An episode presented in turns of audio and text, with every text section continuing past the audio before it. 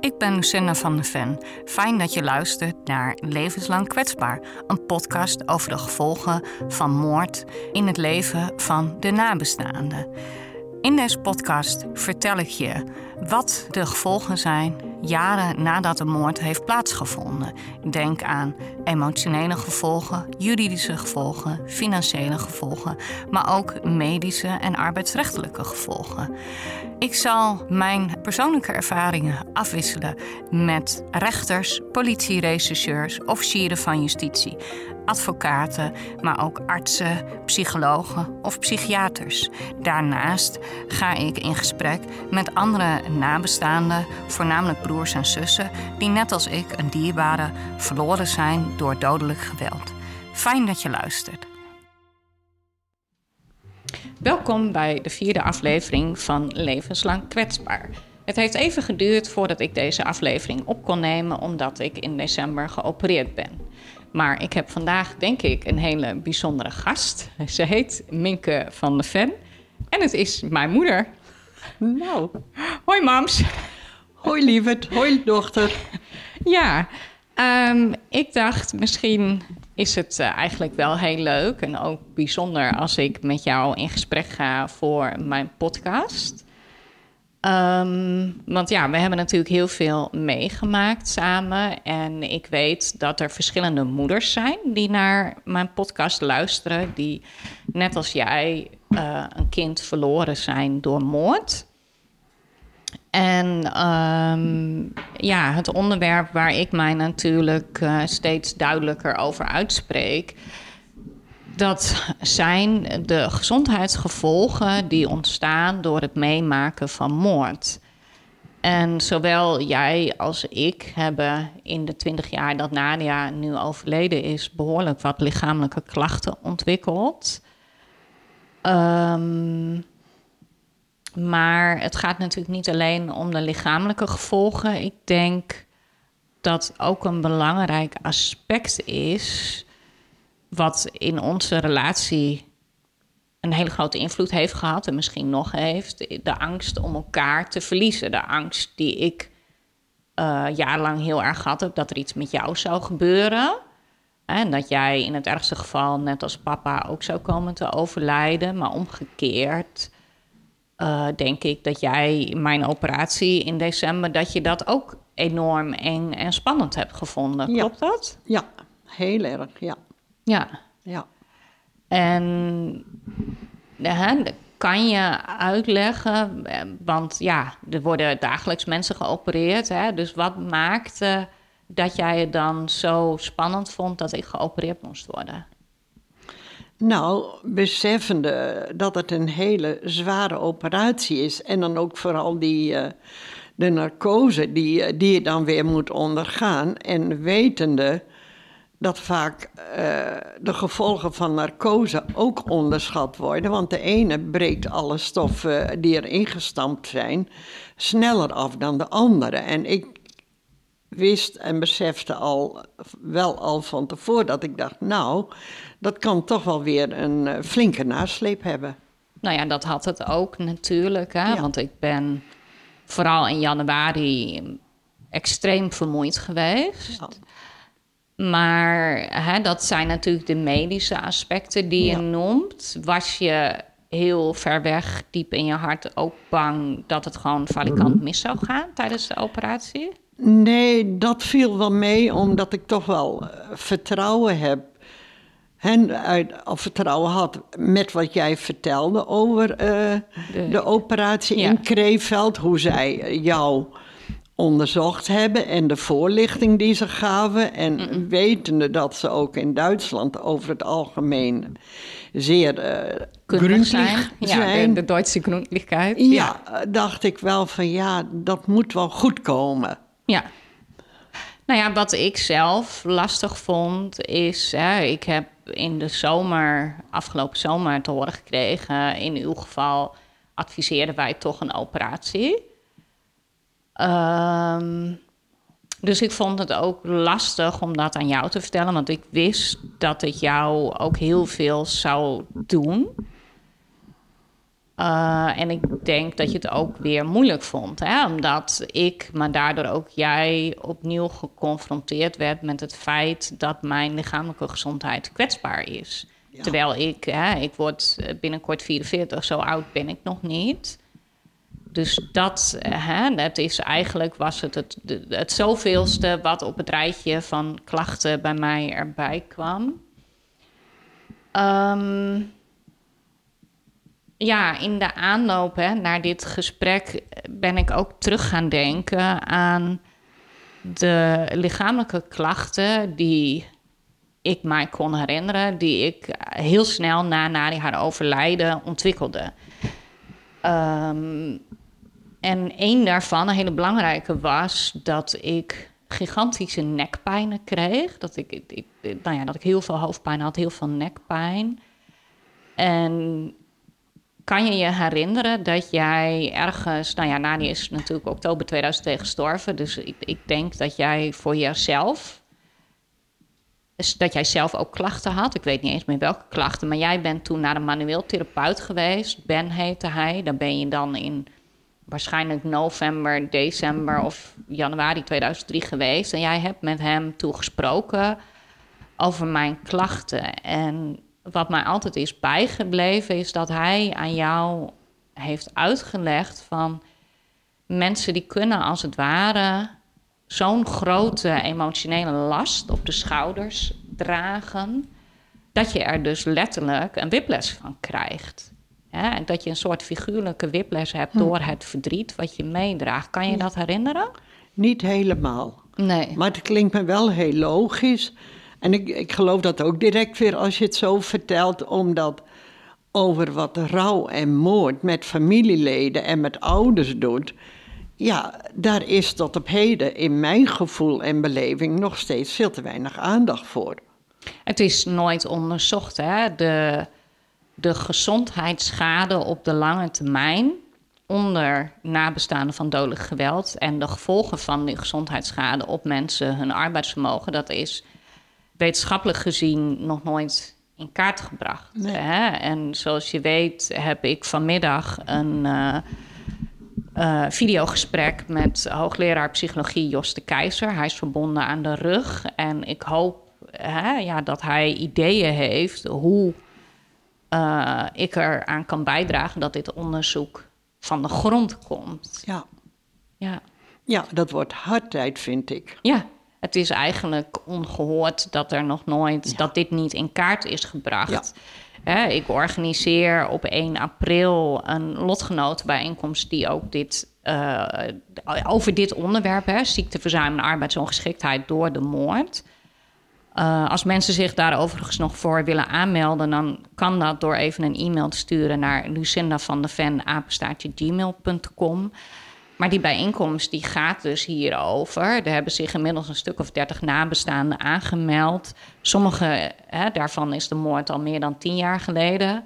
En bij anderen is het heel erg recent. En wat ik terugkrijg van met name de vrouwen is dat zij zeggen: ja, het is een jaar geleden, mijn werkgever heeft geen begrip meer.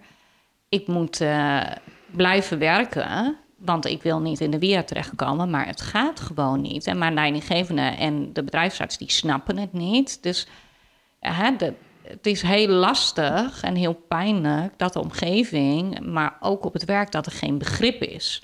Ja. En dat is al heel lang zo. Daar is ook echt weinig in veranderd. Ja, dat klopt. Want hè, wat een ander aspect wat bij mij te binnen schoot is. Uh, jij hebt je volgens mij na Nadia haar dood meteen ziek gemeld. Je was natuurlijk uh, zelfstandig uh, ondernemer. Je had je eigen praktijk als complementair arts.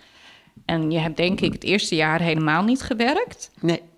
En nou ja, misschien dat je vanaf 2004 weer bent gaan werken? Nou, ik denk zelfs wat later ook hoor. Na de rechtszaken misschien ja, pas. want ik had met mijn arbeidspsycholoog en uh, Jaap van den Broek ja. heel veel geluk dat hij begreep heel goed dat de, nou ja, de invloed, de impact naar de moord, hoe men dat onderuit gehaald heeft. Dus hij heeft bij de verzekering echt eh, heel erg zijn best gedaan. Dat ik eh, heel langzaam op een gegeven moment wel weer ben gaan opstarten. Gewoon om wat structuur te hebben. Dat Ja. je dan in ieder geval eh, een paar dagen in de week weer wat patiënten ziet. Zodat je toch op tijd je bed uit moet. En vooral voor de structuur. Ja.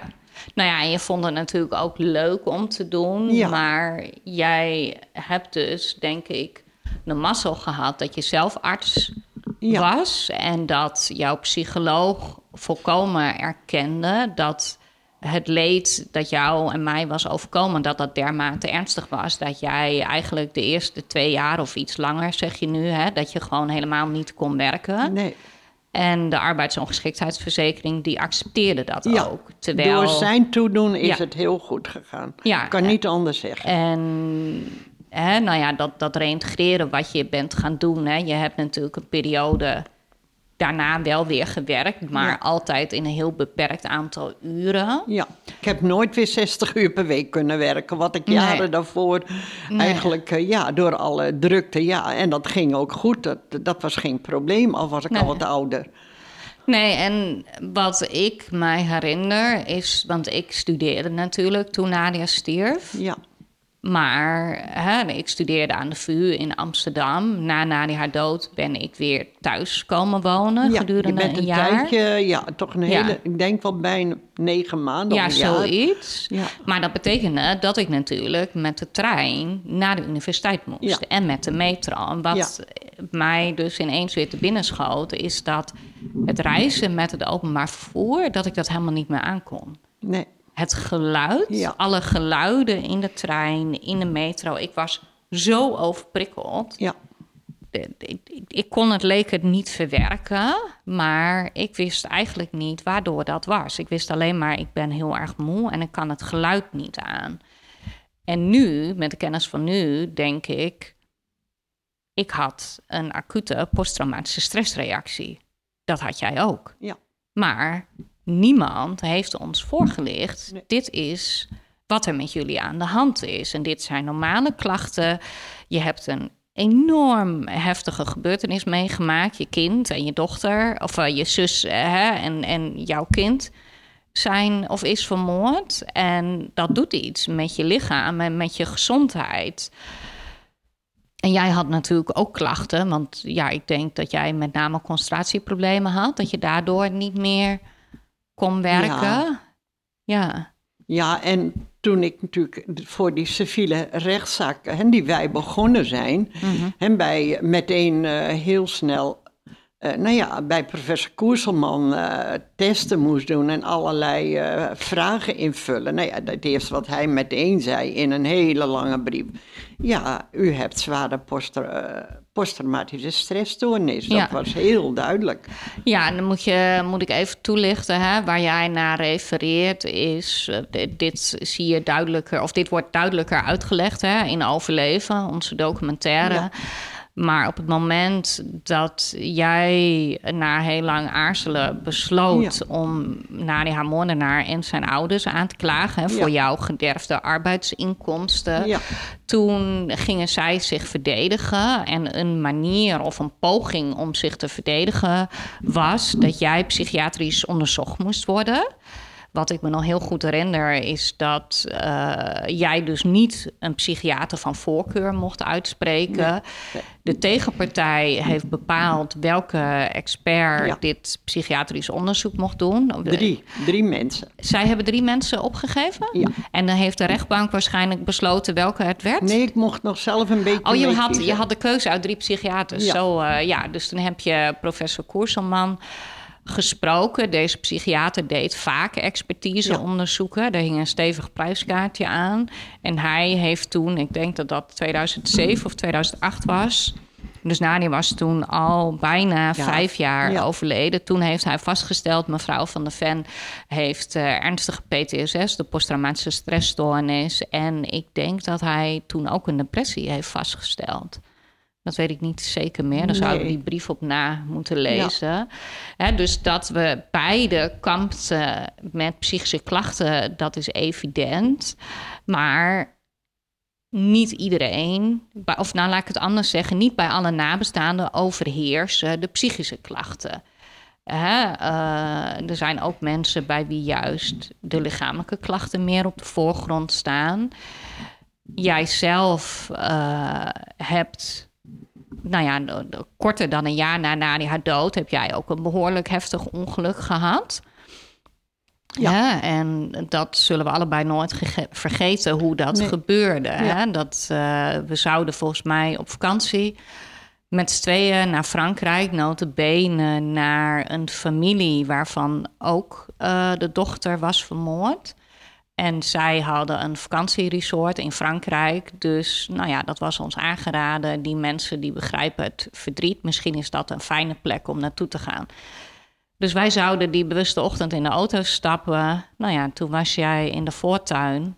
Gestruikeld. Toen ben je inderdaad gestruikeld. En mijn zevende borstwervel gebroken. Per ambulance meteen eh, naar het ziekenhuis gebracht. En, uh, ja. Ja, en toen begon de discussie weer verder. En allerlei onderzoeken. Ja. Meteen uh, een paar dagen later al naar de VU gegaan. Omdat...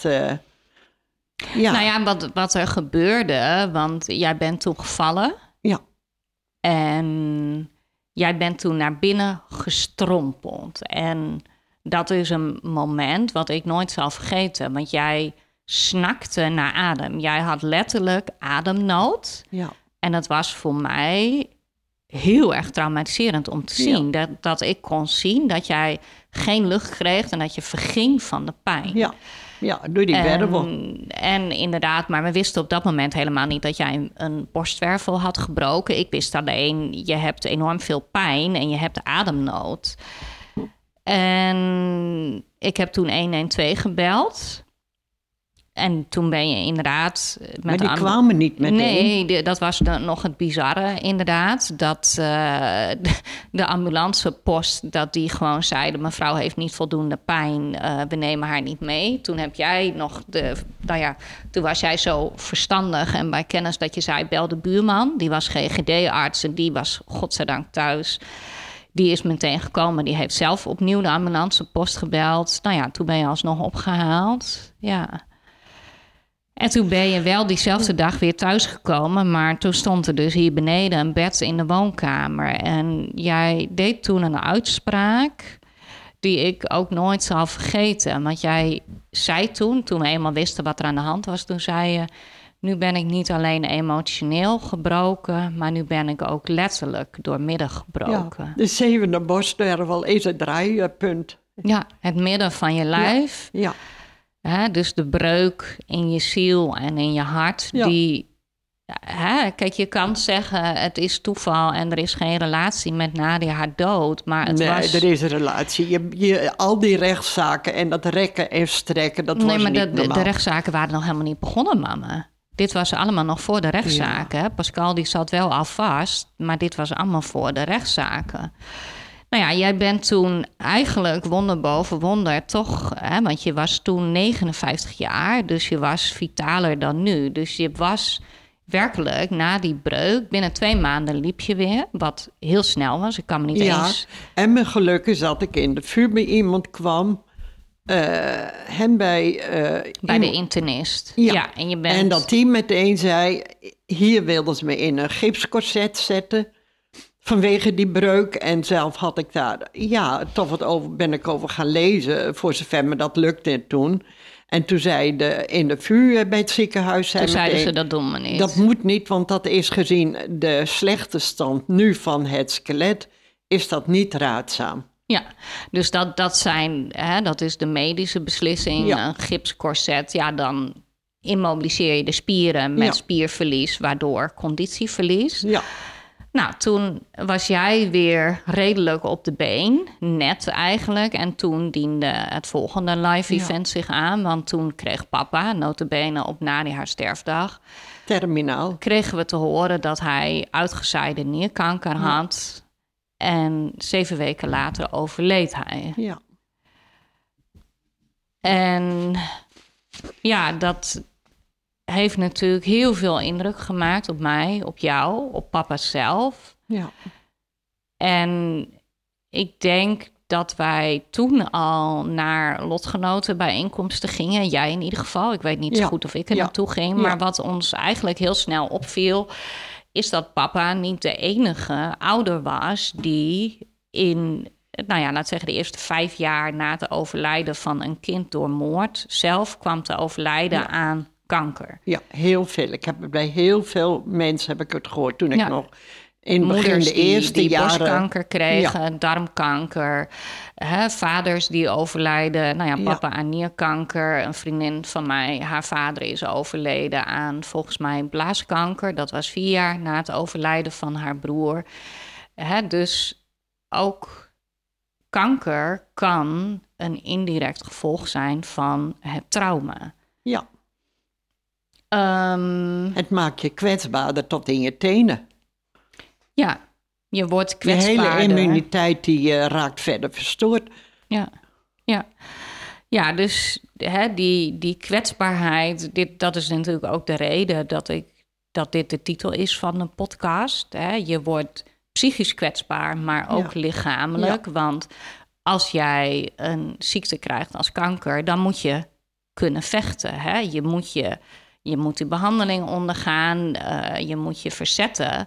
Maar de kracht om de strijd aan te gaan met jouw ziekte, die, die levenskracht, ja, die is als je moord meemaakt enorm aangetast. Ja, levenslang. Ja. Ehm,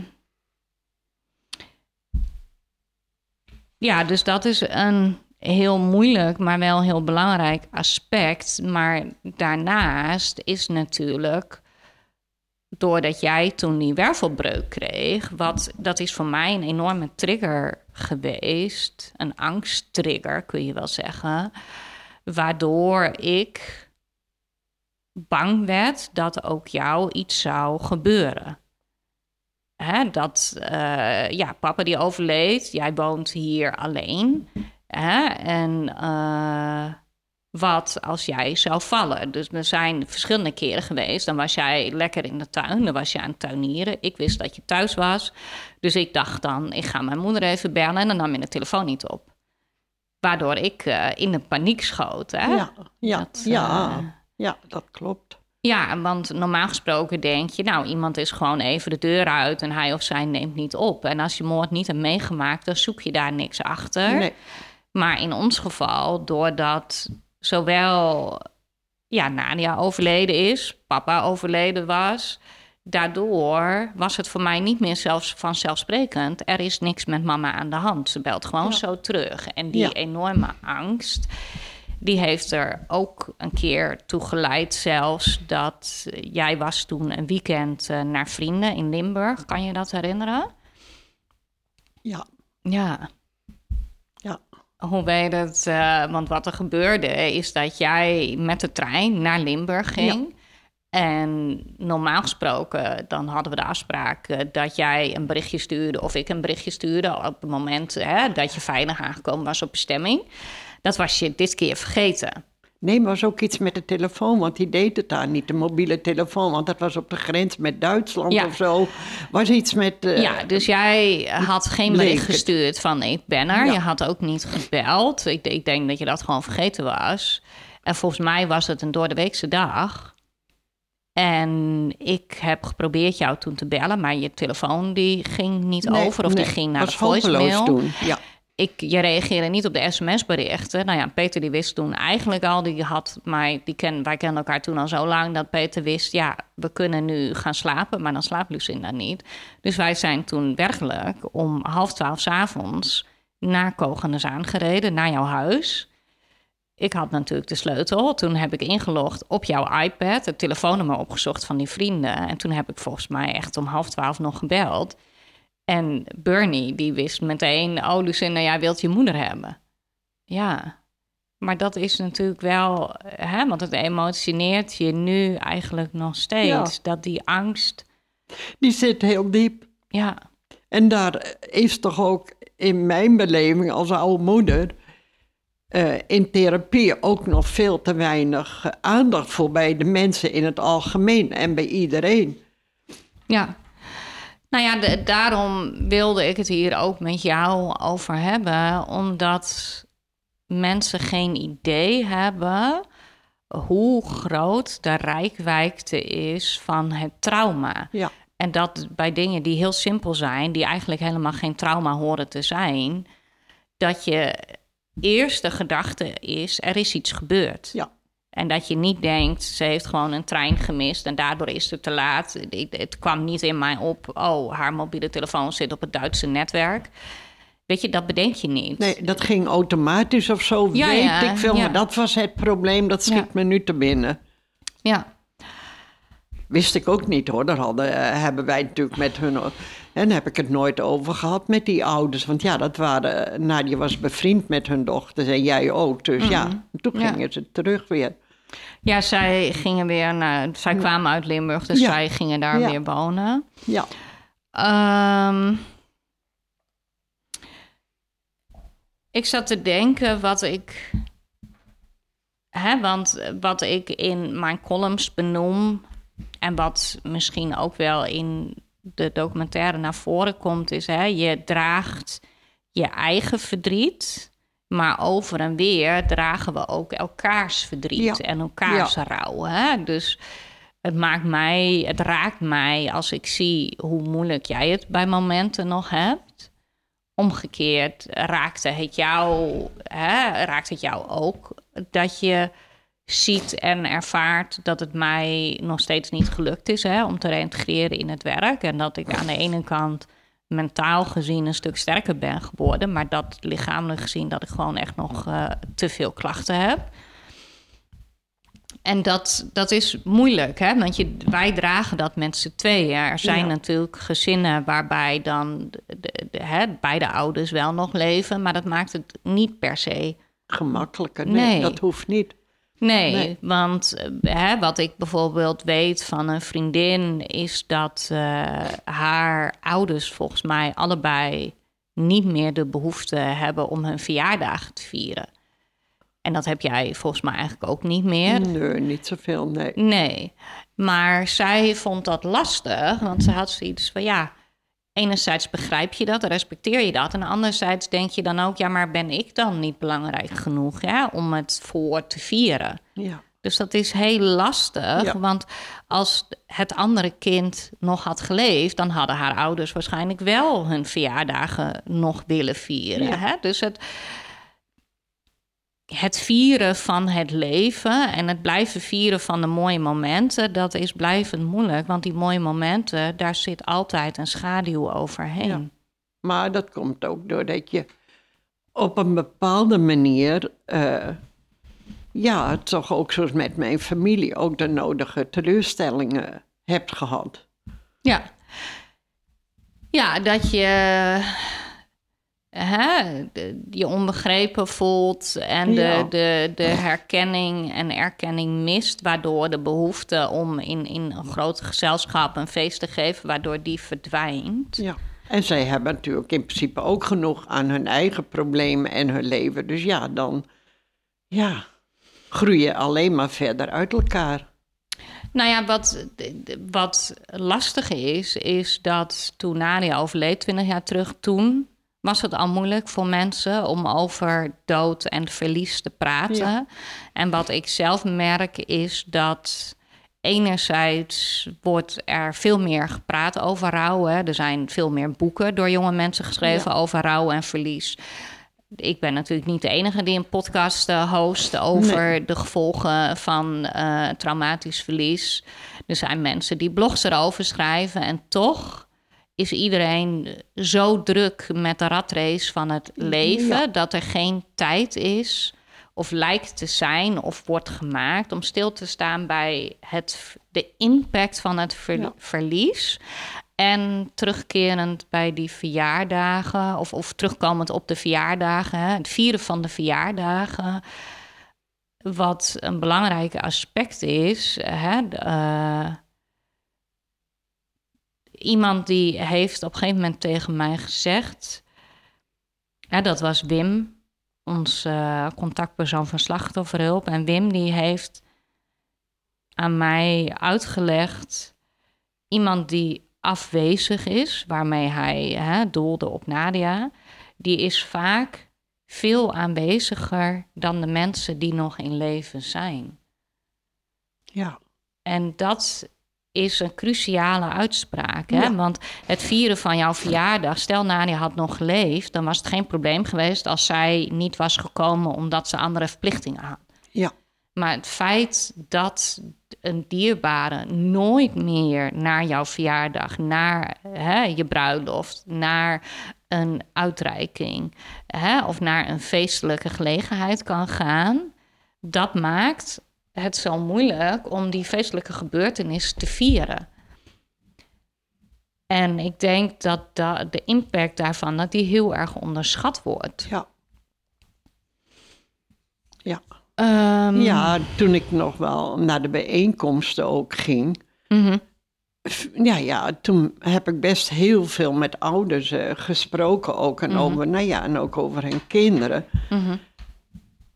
En ik vond het vaak ook heel moeilijk, omdat een heleboel die waren zo in hun terecht hoor, in hun eigen verdriet, dat het ook aan de andere kant bijna ten koste van de levende kinderen gingen. Ja. En ik weet dat ik die nacht toen de recherche aanbelde om twee uur s'nachts, dat ik in een flits toen ik op de bank met hun zat en zei eh, hen, eh, dat ik meteen dacht, oh, Lucinda moet verder, Lucinda moet verder.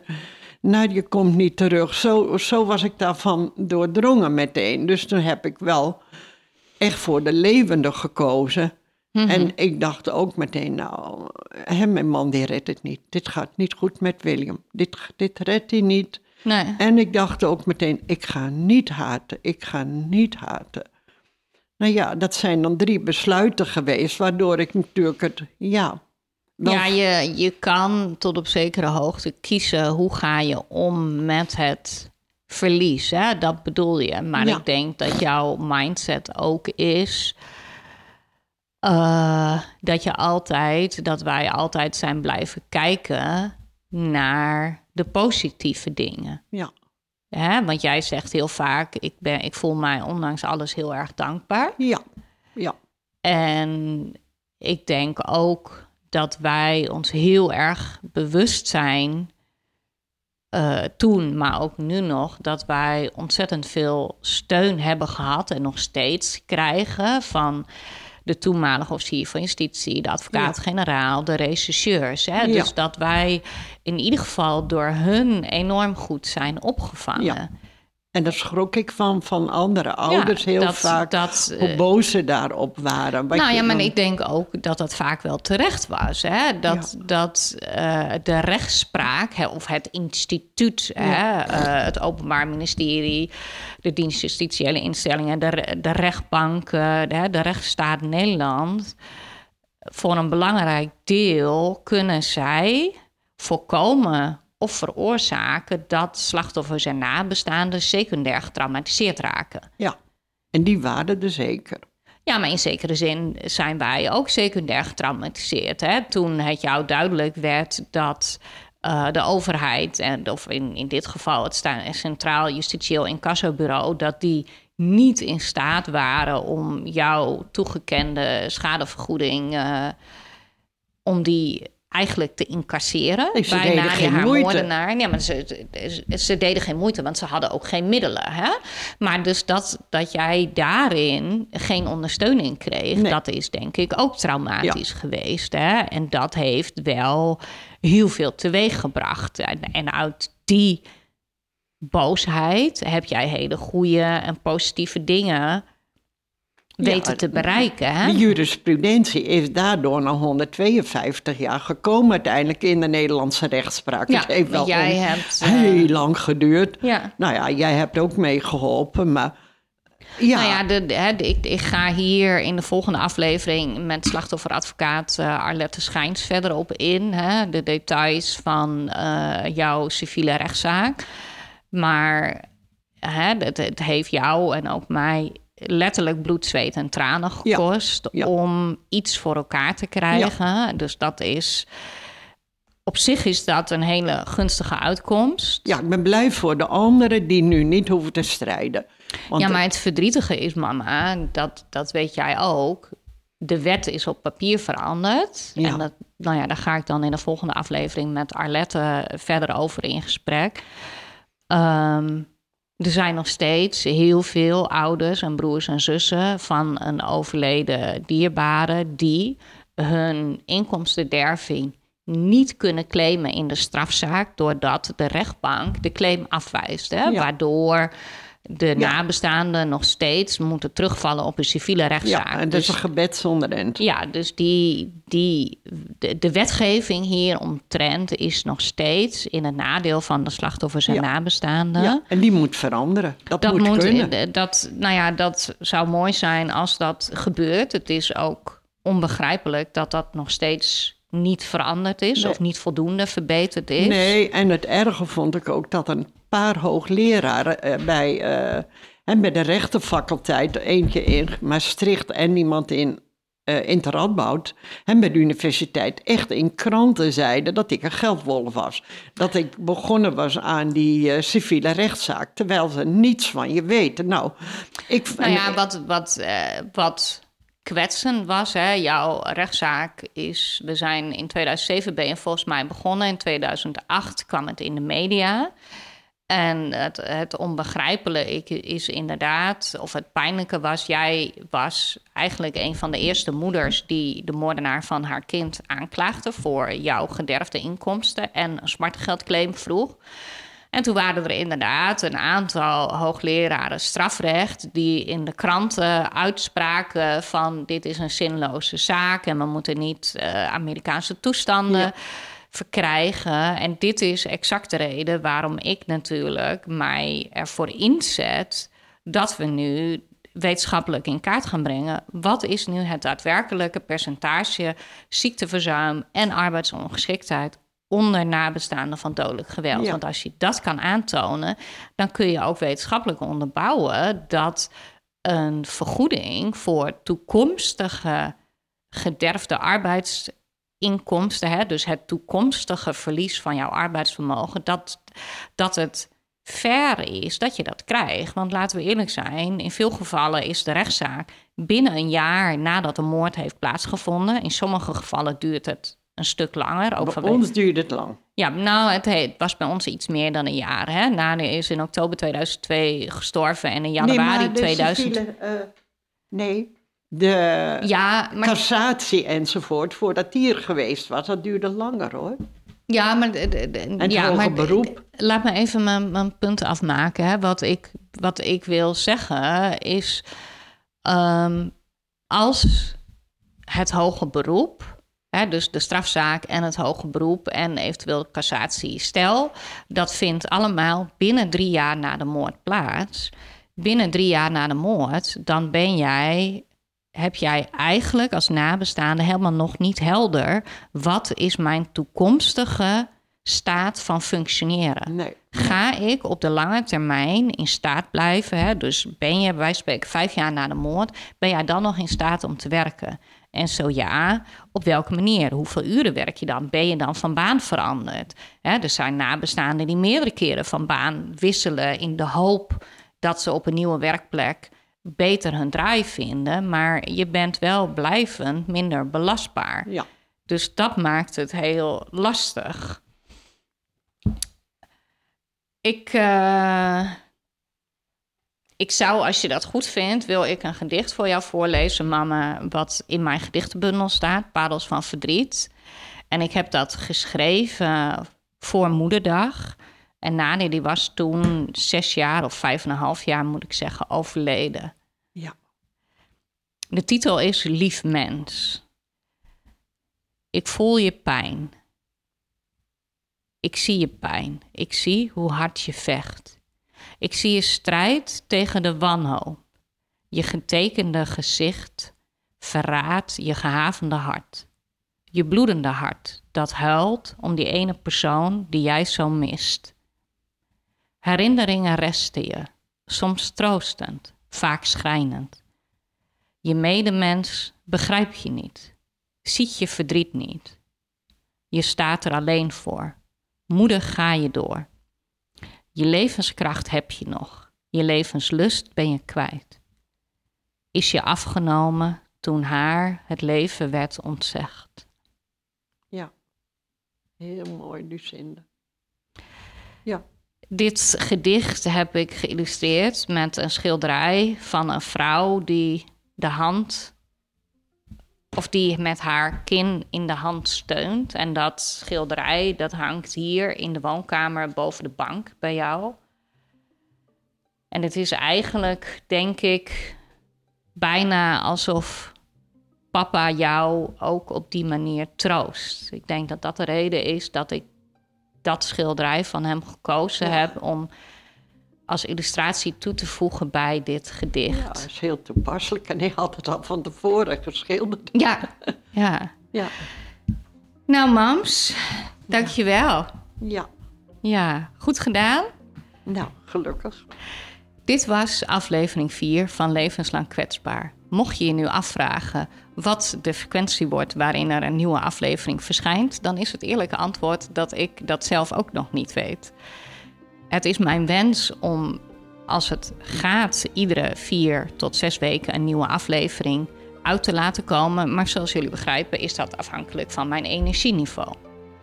Mocht je nu willen reageren op deze of andere afleveringen, heb je een spreker in gedachten die ik echt moet uitnodigen voor deze podcast? Of zou je zelf graag jouw verhaal willen delen in mijn podcast? Stuur dan een berichtje naar lucinavandeven.gmail.com. Ook zou ik het fijn vinden wanneer je met mij meedenkt of of je misschien tips of suggesties hebt over de, een manier waarop ik sponsors kan vinden, zodat ik deze podcast kan blijven maken. Volg mij op mijn social media en dan zou ik zeggen, graag tot de volgende keer. Bedankt. Dankjewel voor het luisteren. Als je je abonneert op deze podcast, krijg je automatisch een melding wanneer er een nieuwe aflevering verschijnt. Door een review achter te laten, help je mij en andere nabestaanden om de problemen waar wij tegenaan lopen meer bekendheid te geven. Fijn als je dat wilt doen. Wist je dat er ook een documentaire is verschenen over de gevolgen van de moord op mijn zus Nadia van der Ven? Overleven is te zien op YouTube. Ook kun je mij huren als gastspreker voor lezingen en ik ben columnschrijfster. Meer hierover kun je vinden op mijn website www.lucindavandeven. Tot de volgende keer.